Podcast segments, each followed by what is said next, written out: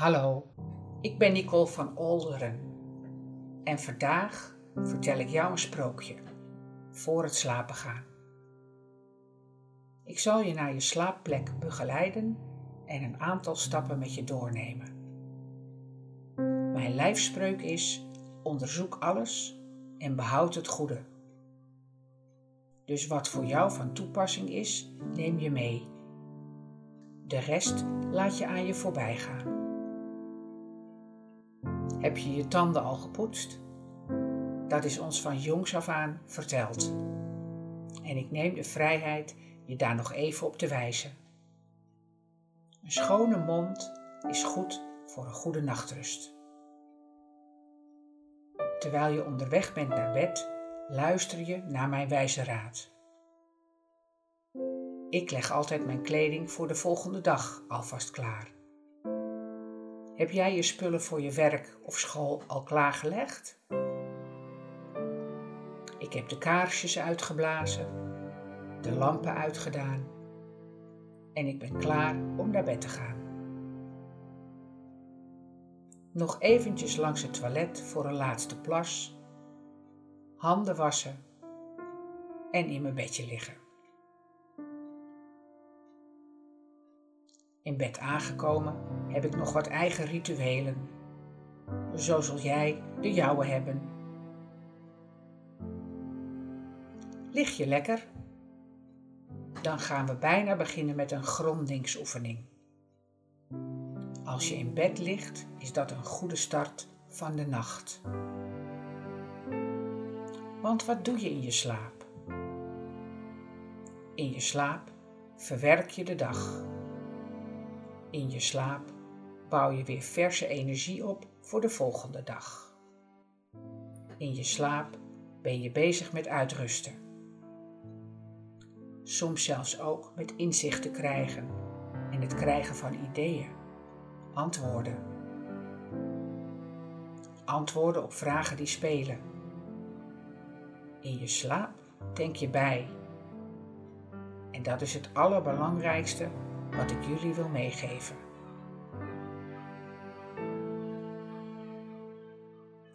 Oké, we gaan beginnen met de grondingsoefening. Ga lekker ontspannen liggen, het liefst op je rug. Leg een hand op je navel en de andere op je hart, links of rechts, wat je zelf het fijnste vindt. Haal rustig adem en ga met je adem diep naar binnen, achter je navel. Houd de inademing even vast en laat deze met een zucht los door je mond. Met iedere zucht land je meer en meer in je lijf. Doe deze ademhaling minstens drie keer op een relaxed tempo. Adem rustig in met je adem diep naar binnen achter je navel. Houd de inademing even vast en laat deze met een zucht los door je mond.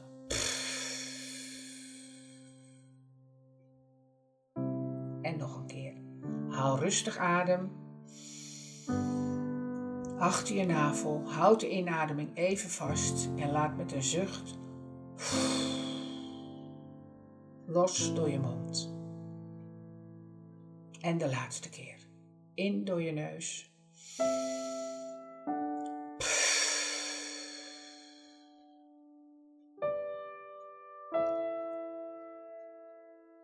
Ga dan met je aandacht naar je stuit. Die plek onderaan je rug net boven je billen. Bedenk, visualiseer of fantaseer dat je vanuit die onderste ruggenwervel, je stuitbordje, een grondingskoord van goud of zilver laat groeien. Ik zeg het nog een keer. Ga dan met je aandacht naar je stuit die plek onderaan je rug, net boven je billen. Bedenk, visualiseer of fantaseer dat je vanuit die onderste ruggenwervel, je stuitbotje, een grondingskoord van goud of zilver laat groeien. Dit gouden of zilveren koord is jouw verbinding met Moeder Aarde, Gaia. Door voor het slapen gaan je verbinding met de aarde weer aan te zetten, kan de energie makkelijker doorstromen. Laat het grondingskoord door het matras van je bed, door de vloer, de aarde ingroeien. Naarmate je deze oefening vaker doet, gaat het steeds makkelijker en sneller. Nu ben je klaar voor de nacht en mijn sprookje. Een goede nachtrust helpt je voor de volgende dag. En daar ga ik met dit sprookje voor het slapen gaan mijn energie voor jou instoppen. Ik wens je een fijn sprookje. Het lelijke eendje.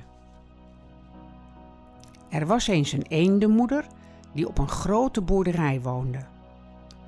De weide rond de boerderij was grazig groen en daarop had de boer een schuur gebouwd. En daar woonden de eenden en de kippen. Aan de andere kant van de wei lag een dijk, waarachter moeder eend de hele dag heerlijk kon zwemmen. Er waren zelfs kleine korfjes gebouwd, zodat ze er s'nachts kon blijven slapen ook. En omdat ze zo erg veel van water hield, bouwde ze daar ook haar nestje en legde er zes eieren in. Toen ging ze op haar gemakje zitten broeden. Op een mooie lentedag braken de eieren open en kropen een paar piepkleine eendjes tevoorschijn. Maar het duurde toch nog een paar dagen voordat ook het laatste ei, dat veel groter was dan de andere, was uitgebroed. En daar piepte een veel groter eendje uit, dat donkere veertjes had. Moeder eend kon haar kraaloogjes bijna niet geloven. Maar natuurlijk nam ze ook dat beestje onder haar hoede.